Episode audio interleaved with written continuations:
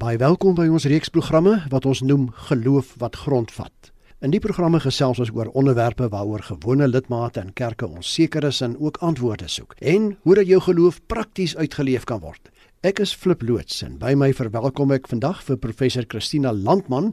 Sy is professor in teologie by Unisa. Baie welkom Christina. Goeienaand. Ook welkom aan professor Henny Stander. Hy is professor in die fakulteit Geesteswetenskappe aan die Universiteit van Pretoria, oftewel Tukkies. Goeienaand Henny. Goeienaand Flip. Neem gerus vanaand aan hierdie program deel op een van die volgende maniere. Jy kan die SMS nommer gebruik 45889. Onthou net dat elke SMS kos R1.50 en die e-posadres is rsg.co.za. En dan ook onthou dat hierdie program nie aan jou as luisteraar voorskrifte gee van presies hoe om te lewe nie, maar riglyne waarbinne jy self keuses kan maak. En RSG stem ook nie noodwendig saam met die opinie van enige persoon wat aan hierdie program deelneem nie. Volgens onlangse statistiek, Christina en Henny, skei ongeveer die helfte van alle paartjies wat in Suid-Afrika trou binne die eerste 10 jaar van hulle huwelik. Geloof wat grondvat fokus vanaand dan op egskeiding en veral hoe die kerke hierop reageer en julle twee is die kundiges wat ons vanaand deur hierdie pad moet stuur en vir ons daardeur moet help. Christina, ons begin by jou. Hoe ernstig is egskeiding binne die gemeenskap wat jy as predikant bedien? Flip, ek was nog altyd 'n uh, dominee in gemeenskappe wat groot finansiële uitdagings gehad het. En daarom het baie min van hulle getrou, want hulle kon dit gewoon nie bekostig nie. Daar's allerlei kulturele voorvereistes vir die betaal van 'n uh, sekere bruidsprys en ook vir die troue self en dit het gemaak dat die mense nie regtig kon trou nie en dit trou eintlik as ek dit so mag stel 'n middelklas luukse is. In een gemeenskap was ek 10 jaar predikant waar ek nooit enigiets getrou het nie. 82% van daardie breër gemeenskap was nie getroud nie en sou ook nooit trou nie. En, maar ek het ook gevind dat onder die wat wel getroud is, daar baie min egskeiding was gewoon omdat hulle ook nie kon bekostig om te skei nie. Ek het nou sommer die naweek 'n bietjie vir 'n paar mense gevra, wat dink julle van egskeiding van die wat nou getroud is en hulle het gesê, ons dink nie eers daaraan nie. Ek meen miskien bly hulle in beperkte omstandighede. Egskeiding is finansiëel eintlik nie vir hulle moontlik nie. As mens nou na die breër gemeenskap kyk wat oor verskillende rasse en finansiële stande oorstrek, dan sal ek sê finansies is wel een rede waarom mense nie skei nie. Maar die grootste rede waarom mense nie skei nie, interessant genoeg, is eintlik wat hulle in Engels noem die coupledom discourse. Die idee dat as 'n mens nie deel is van 'n paartjie nie, dat jy 'n halwe mens is en baie mense is bang vir eensaamheid. Hulle sê mense wat geskei is, lyk nie vir hulle gelukkig nie en daarom bly hulle in 'n verhouding. Wat vir ons interessant is vir hierdie program is dat baie min mense, as jy hulle vra oor egskeiding, gee godsdienstige redes meer waarom hulle hulle nie skei nie. Mense sê nie meer ek skei nie want dit is teen die Bybel of dit is sonde of so nie. Ek gaan nou nou vir julle 'n bietjie 'n insetsel speel ook van 'n reaksie wat ek by mense gekry het hoe ek met die mikrofoon gaan rondstap het. Maar Christina, jy praat nou van mense wat dan saam bly. En dit wil vir my voorkom of die hoë egskeidingssyfer, soos jy ook gesê het, mense bang maak om te trou, miskien vanweë verskillende redes en hulle dan eerder wil laat saamwoon. Maar nou is die vraag: Hoe behoort die kerk hierdie omstandighede te hanteer. Die studente wat ek oplei in berading, die eerste ding wat ek vir hulle leer, is die dominee is nie daar om vir mense te dwing om te trou nie of hulle te dwing om te skei nie. In die eerste plek gaan hierdie gesprekke oor moet ons nou trou of saam bly, moet ons nou skei of maar uithou, gaan nie oor reg en verkeerd nie want jy kan nie dit met 'n eenvoudige reg of verkeerd oplos nie.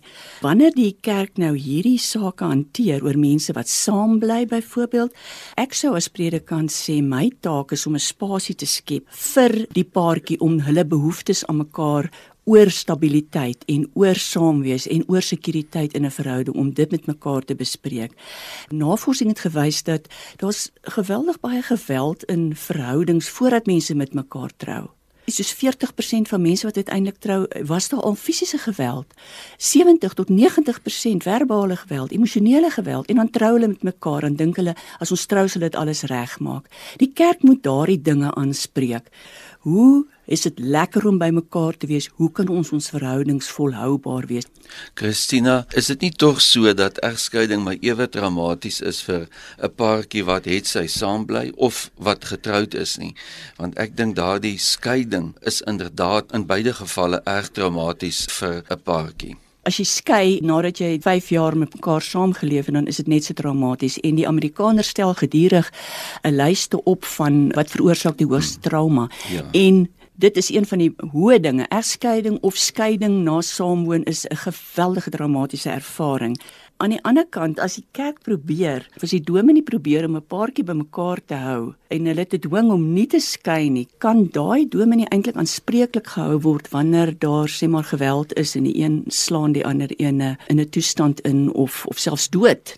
So dit is nie net sommer 'n onskuldige proses van lekker met mekaar saam praat en kyk waarheen is ons nou op pad nie. Die dominee het 'n groot verantwoordelikheid om die emosies van mense wat in intieme verhoudings is met mekaar te hanteer. Ek dink Christina, jy's baie reg dat 'n mens ook nie eenvoudige antwoorde moet gee vir paartjies en ook asof dit dieselfde antwoord vir alle paartjies kan geld nie. Ja, ek weet op universiteit het ons nog geleer in praktiese teologie dat 95% van 'n dominee se werk is eintlik huweliksberading. Jou praat jy Christina van die kerk mag nie die paartjies dwing om nie te skei nie of om te trou nie. Wat bedoel jy met dwing? En hiermee saamlik die vraag vra, sou die kerk egskeidings dan nie kon keer nie? Indien wel, wat moet hulle doen? Ek wil net 'n voorbeeld noem van byvoorbeeld 'n teologiese student. Hy was getroud met 'n vrou en daar het geweldige spanning in daardie verhouding ontstaan. Toe sê die kerk vir hom: "Kyk, as jy skei, dan kan jy ook nie meer voortgaan met jou teologiese studies nie." Toe in daai situasie was daar toe 'n keer wat die vrou hom met klomp kookwater gegooi het en hy was toe amper dood. Toe was die kerk aanspreeklik daarvoor vir daai geweld omdat hulle hom eintlik sekondêr gedwing het om in die verhouding te bly. Nou ja, goed, kom ons luister so 'n bietjie na wat mense hieroor te sê het. Ek het by die mikrofoon gaan rondloop by 'n klompie mense, oud en jonk, en hier is hulle opinies en daarna kan ek vra dat julle vir my dit evalueer. Ek glo in meeste gevalle is daar altyd hoop vir 'n huwelik en mense kan saam daaraan werk om die probleme in 'n huwelik uit te sorteer. Ek het nie eintlik 'n probleem met egskeiding nie. Ek dink in vandag se tyd is dit 'n algemene ding. Maar ja, as 'n mens nie gelukkig is nie en jy het alles probeer om 'n huwelik te laat werk, maar as dit nie werk nie, dan moet 'n mens maar skei. Egskeiding, weet ek, is nie altyd aanvaarbaar vir baie mense nie, maar ek moet vir jou sê daar's omstandighede waar ek dink mense moet skei. Wanneer twee mense regtig by mekaar totaal verbyleef, weet ek nie hoekom mense by mekaar bly nie. Nommer 1, nommer 2, weet ek dat baie mense sê ter wille van die kinders maar dis 'n groter las op die kinders om getrou te bly onder sulke omstandighede. Egskeiding is nie noodwendig van my verstaan die beste oplossing nie. Die Here wil hê soos ek die woord verstaan dat ons by mekaar moet bly, maar ons verstaan ook partykeer dat daar realiteit is en uitdagings in terme van verhoudings en daardeur moet gewerk word. Wel, egskeiding is definitief een van die mees persoonlikste sake wat daar is. Ek voel as 29 jarige sê ek dit nou, mense gaan soek groener weivelde te vinnig in die sin van nie net jy weet gaan soek vir 'n ander partner nie, maar ek dink met uh, vandag se sosiale media en internet en en so Egskeiding is 'n waarheid in ons lewens deesdae. En ek dink ook nie dit is regverdig om te verwag dat jy die res van jou lewe moet betaal vir 'n besluit wat jy gemaak het nie. Ek voel ons moet meer van ons eie selfsugtigheid en selfhelptheid eenkant toe skuif en harder werk aan ons verhoudings, harder werk aan onsself Ek is heeltemal gekant daarteen. Ek voel as jy 'n belofte maak teenoor 'n ander persoon, dan moet jy daai belofte nakom. Ek dink mense gee te vinnig op. Ek dink jy kan meer werk in dit insit. Ek dink mense is te selfsugtig. Ek dink mense is te materialisties en ek dink daar's baie goed wat gered kan word dat mense net bietjie meer aandag en meer effort moet insit. Ek dink mense kan altyd werk aan mense verhouding en nooit te vinnig opgee nie. Daar sê, dis 'n klompie menings hier van 'n verskeidenheid jong en ouer mense oor egskeiding. Kom ek hoor Christina, Henny, hoe reageer julle hierop Henny? Flip, 'n mens kan met baie van hierdie stellings saamstem. Wat vir my tog opgeval het is dat 'n hele paar mense gesê dat daar tog hoop is en dat 'n mens ook nie te vinnig moet skei nie en dat 'n mens kan werk maak van so 'n huwelik Ek kan met daardie opmerkings saamstem. Miskien een opmerking waarvan ek sal verskil is wanneer iemand sê dat ag dit is so algemene ding dat 'n mens maklik dan maar kan skei. Ek sal versigtig wees daarmee omdat 'n mens nooit die trauma wat daarmee gepaard gaan moet onderskat nie. Dit bly 'n verskriklike belewenis, 'n traumatiese ervaring vir mense wat deur hierdie egskeiding moet gaan. Christina, hoe voel jy? Die mense het eintlik bevestig wat ek net nou gesê het dat baie min mense gee meer godsdienstige redes waarom mense nie moet skei nie. Min van hulle het gesê dis sonde of so. Wat ek hier egter wil beklemtoon is dat die predikant moet ook nie onderskat dat hy of sy toegang het tot bronne om 'n huwelik te red wat ander beraders dalk nie het nie. Soos om vir mense te help om te sien wat is die sin van wat met hulle gebeur het. Hoe werk vergifnis? Daardie tipe geloofsbronne wat 'n dominee het waarmee hy kan werk en 'n ondersteuningsgroep wat hy of sy kan stig in die gemeente al daardie bronne het 'n dominee wat hy of sy kan gebruik om mense te help wanneer hulle deur hierdie verskriklike traumatiese tyd gaan. En 'n mens moet dit nie onderskat nie dat die dominee kan wel 'n verskil maak aan so 'n situasie. Ek dink eintlik is dit natuurlik ook belangrik om proaktief op te tree.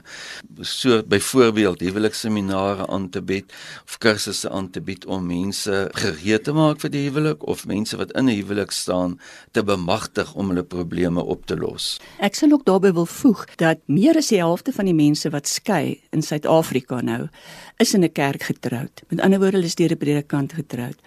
Waar is daai voorhuwelikse beraad? Ek weier om enigiemand te trou as ek nie eers voorhuwelikse beraad gedoen het nie.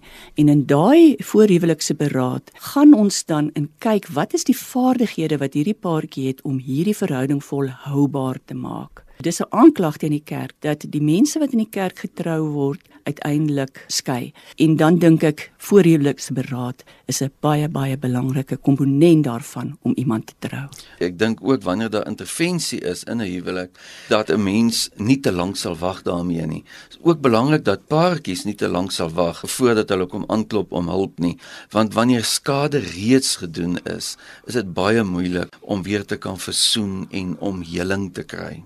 Dit is RSG met die program Geloof wat grondvat en ons gesels vanaand oor egskeiding in die kerk. My gaste is professor Christina Landman van Unisa en professor Henny Stander van Tukkies. Luisteraars kan gerus saamgesels deur middel van die SMS nommer 45889. Onthou elke SMS kos R1.50 en kontak ons ook per e-pos by rsg.co.za. En nie kom ons gaan bietjie kyk na wat die Bybel sê. Wat leer die Bybel ons oor die huwelik? Want die trouformulier sê mos dat wat God saamgevoeg het, mag geen mens skei nie. Is alle huwelike deur God saamgevoeg? Flip om by die eerste deel van jou vraag uit te kom, wat sê die Bybel oor die huwelik? Sou 'n mens hele klompie beginsels kon uitlig. Byvoorbeeld dat dit 'n lewenslange verbintenis is, dat ons gelyke vennote is in die huwelik dat ons aan mekaar onderdanig moet wees in die huwelik. Die Bybel sê dat liefde moet selfopofferend wees en eerbied, respek vir mekaar is belangrike komponente in die huwelik. Maar natuurlik, die Bybel sê ook duidelik dat nie elke mens noodwendig trou nie, né? Onder andere Matteus 19 vers 11 tot 12. Maar wanneer dit kom dan of God ons saamgevoeg het, dit is daardie groot misterie van die lewe, jy weet. Dat ek aan die een kant nie net 'n pion in God se hand is nie, ek het 'n verstand en ek kan my eie keuses maak. Tog leer die Bybel ook dat God betrokke is in ons lewe. Ons maak natuurlik ons keuses binne die raamwerk en die riglyne wat God vir ons in sy woord gee.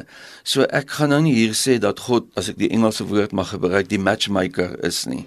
Tog as 'n mens terugkyk na jou lewe, kan 'n mens tog ook weer God se vingerafdrukke in jou lewe raak sien. Ons kan ook sê dat as jy dan kies om wel jou huwelik in die naam van God te sluit en jou huwelik aan hom toe te wys, dan kan ons tog ook vra dat die huwelik tot seën en tot eer van God sal wees. En dan speel hy 'n belangrike rol binne in daardie huwelik. Kyk, Jenny is nou 'n klassikus en hy ken die tyd van die Bybelse wêreld, van die Nuwe Testamentiese wêreld baie goed. Ek wil tog vir hom vra, huwelik soos ons dit vandag verstaan, het dit in die Nuwe Testamentiese tyd so bestaan? Nee, inderdaad, was daar ook ander forme. Kom ons trek ook die Ou Testament by. Daar is ook 'n baie groot kulturele komponent teenwoordig in huwelik. En soos wat ons die prosesse verloving het en 'n huwelik het sonder om te sê dat elemente daarvan nie in die Nuwe Testamentiese tyd bestaan het nie. Maar die kulturele andersheid kan 'n mens natuurlik nooit ontken nie.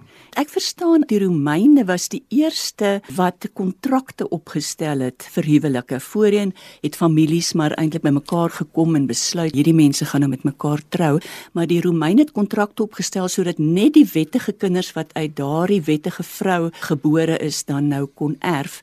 Ek verstaan ook dat die kerk het eintlik baie min te doen gehad met die voltrekking van huwelike tot omtrent hier die 11de 12de eeu toe die kerk so onsaglik sterk geword het dat hy heeltemal oor mense se seksualiteit beheer geneem het en van toe af moes jy 'n huwelik in die kerk bevestig. Voor dit dink ek was dit heeltemal net 'n siviele ooreenkoms. Maar dit het nie die rol van die godsdiens of van 'n geestelike lewe uitgehaal uit daardie huwelik nie. Ek kan onder andere verwys na Tertullianus wat in 200 na Christus 'n boek geskryf het oor die huwelik en waar hy eintlik 'n huwelik wat in die naam van God gesluit word, besing en verheerlik en hoe pragtig so 'n huwelik is.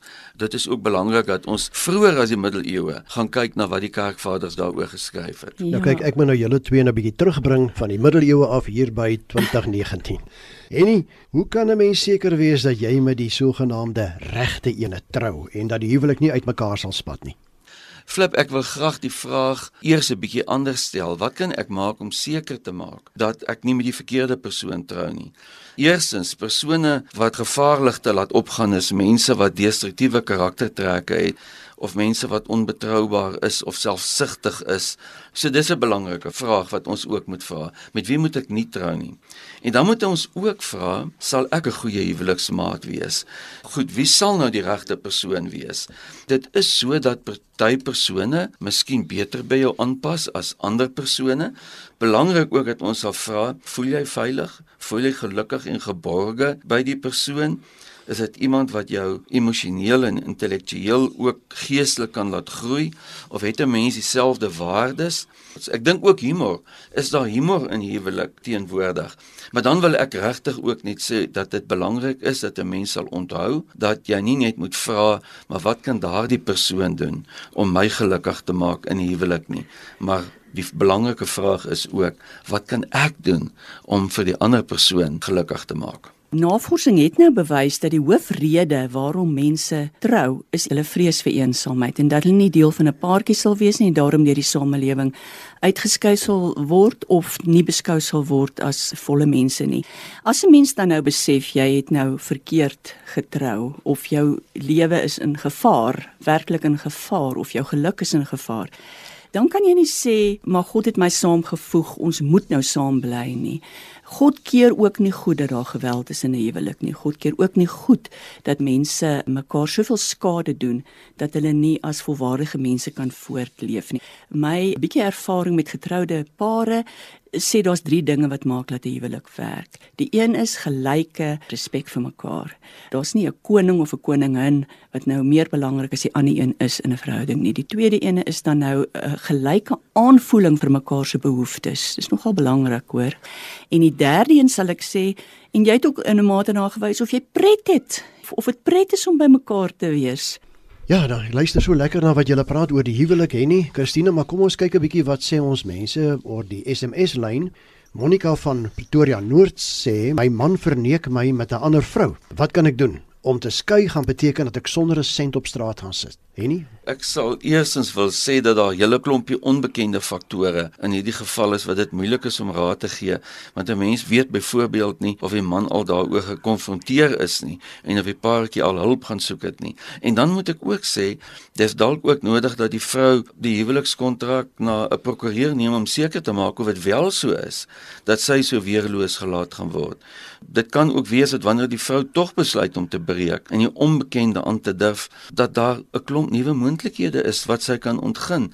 So waarom moet sy vernedering verduur? Wel ek sal sê dat 'n predikant as 'n mediator optree en in mediasie moet al twee partye bereid wees om tot die mediasie toe te tree. Met ander woorde, die man moet dan sê ek sal ophou met hierdie verhoudings en daar is dan 'n uitnodiging na hom toe om verantwoordelikheid te neem. As hulle nie al twee daai verantwoordelikheid dan neem vir daai huwelik nie, dan sal hulle op ander terme nou verder moet praat. Christina terwyl jy nou in die woord is, Ek sien anoniem van Bloemfontein laat weet ek en my vrou kan deesdae nie meer normaal met mekaar kommunikeer nie. Ons verskree mekaar. Dit dan ten minste eerlik, né? Is daar vir ons hoop of moet ons dink aan skei? Wel, as ek die dominee was, sou ek sê ek dink nie dit gaan van self regkom nie. En daarom moet die dominee as beraader hulle help om in ander woorde met mekaar te praat wat mekaar versterk en mekaar respekteer. Henny Petronel van Port Elizabeth skryf: Ek en my man is 'n paar maande gelede geskei oor finansiële redes, maar ons kuier steeds by mekaar. Hy slaap soms ook nog oor. Is dit nou verkeerd of moet ons heeltemal op mekaar breek? Ek wonder in hierdie geval sien dit dat daar nie regtig 'n emosionele breuk in die verhouding was nie of egskeiding nie 'n te drastiese besluit is om na oplossing te soek nie. En ek wonder net of daar nie dalk meer lewensvervulling kan wees in 'n soeking na heling van hierdie huwelik in plaas van 'n soeke na 'n algehele breuk nie. Christina, ek sal maar net eenvoudig hulle verhouding soos hy nou is respekteer. Anton en Eliza, ek dink ek spreek dit reg uit, Eliza of Elisa van Mosselbaai sê, trou is uitgedien. Bly eerder saam. Ons kan dit aanbeveel. Daar's geen verwagtinge van of verpligtinge teenoor mekaar nie en ons geniet net mekaar. Wat sê jy daarvan? Ek is 'n klein bietjie spesieus om te dink dat hulle regtig niks van mekaar verwag nie en regtig geen verpligtinge het nie. Ek sou sê as dit vir hulle werk, dan sou ek respekteer maar ek moet sê hulle het dan werklik baie sterk selfbeelde om in so 'n verhouding te staan. Ons is eintlik geneig in verhoudings om baie territoriaal te wees. So as hulle dan die grense vir mekaar getrek het binne daai verhouding, dan sou mense dit so ondersteun, maar ek twyfel eintlik of daar 'n verhouding is waar die een die grense vir die ander intrek nie. Enik, dit is Ansie van Durbanville wat skryf ek is al 5 jaar geskei en kan dit steeds nie verwerk nie. Hoe gaan 'n mens aan met jou lewe?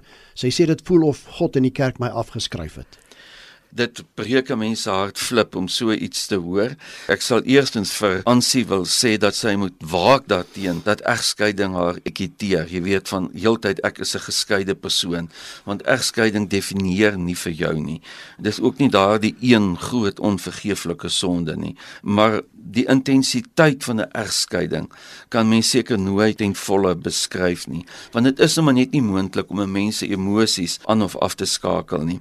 Maar ek dink dit is tog ook belangrik om 'n sielkundige te besoek en om net iemand te kry om jou te help om jou emosies te kan verwerk en God se genade oor 'n mens te kan aanneem. Ek sou sê verwerping is die ergste negatiewe emosie wat jy kan ervaar. Ek het al baie keer gesien met mense wat iets verloor het dat hulle net getroos kan word as dit presies weer herstel is soos wat hulle dit gehad het. So is met Ansie dat sy haar huwelik verloor het en nou weer dit presies so herstel wil hê. En dis hoekom sy nie daaroor kan kom nie dat sy tog maar regtig 'n dominee of 'n beraader sal sien wat haar sal help om heeltemal 'n ander rigting in te slaan. Hier is nog een SMS wat ek graag wil julle opinie oor hoor. En nie veral miskien kan ek jou vra. En dis iets wat ek al baie gehoor het. Stein van Wardenbad skrywe: Ek moes alleen deur my egskeiding gaan. Die predikant het daarvan geweet, maar niks daaraan gedoen nie en ons nie kom besoek nie. Is ek verkeerd om verbitter teenoor die kerk te wees? Flip, dit is regtig jammer om dit te hoor want 'n mens het juis in sulke tye bystand en ondersteuning nodig. Maar kerke het ook verskillende modelle. Nie almal het altyd so herder kudde model waar hulle mense gaan besoek wat deur 'n krisis is nie. Dan is daar baie keer klein groepe wat kan intree en ander gelowiges wat ook jou kan ondervang. Baie dankie vir julle opinies oor ons SMS'e Henny Christina. Henny, kom ons vat saam. Wat is die beste manier vir kerke om hierdie situasie van egskeiding te hanteer? Philip, ek dink in die heel eerste plek om nie met goedkoop of eenvoudige antwoorde te kom nie en ook nie om te dink dat daar net een antwoord is nie en om ook erkenning te gee aan die uniekheid van elke saak en dan ook om nie te dink dat die kerk alleen inspraak in 'n egpaar se huwelik het nie en om ook baie keer net minder autoritair oor te kom en dalk net meer te luister. En dan uh, iets wat ons wel genoem het in die program en dit is om betyds ook raad te gee voor huwelikse seminare vir mense aan te bied en ook tydens die huwelike waar ons hulle kan bemagtig om ook die eise wat die huwelik aan hulle stel te kan hanteer. Christina, jy het so iets daarvan aangeraak nou met die SMS wat Stein van Warmbad vir ons gestuur het, maar as daar van die kerk se kant af gesien word dat 'n verhouding tussen 'n paartjie nie uitwerk nie en berading ook nie help nie, mag die kerk hulle aanraai om te skei of dink jy die kerk moet eerder 'n neutraliteit handhaaf? Ek sou sê flip as dit nou so is dat egskeiding onverwendbaar is dan is dit die predikant en nie net die predikant nie, die hele gemeente se plig om hierdie mense te begelei. Hulle gaan deur 'n slegte tyd dat hulle weer kan lewe, dat hulle omarm word sonder om te sê dis reg, dis verkeerd, maar om te sê luister mense, kom ons stap nou hierdie pad van egskeiding saam met julle sodat ons almal kan heel word. Dit dan vanaand se geloof wat grondvat. 'n Baie groot dankie aan my twee gaste, professor Christina Landman en professor Henny Stander vir hulle bydraes. Christina, Henny, as van ons luisteraars verder met julle wil kommunikeer, hoe kan hulle dit doen? Hulle kan graag vir my 'n WhatsApp of 'n SMS stuur by 082 377 2574. Henny? Hulle kan my gerus kontak by my e-posadres henny@stander.co.za. En my kontakinligting is flip by mediafocus.co.za. Tot volgende keer. Totsiens.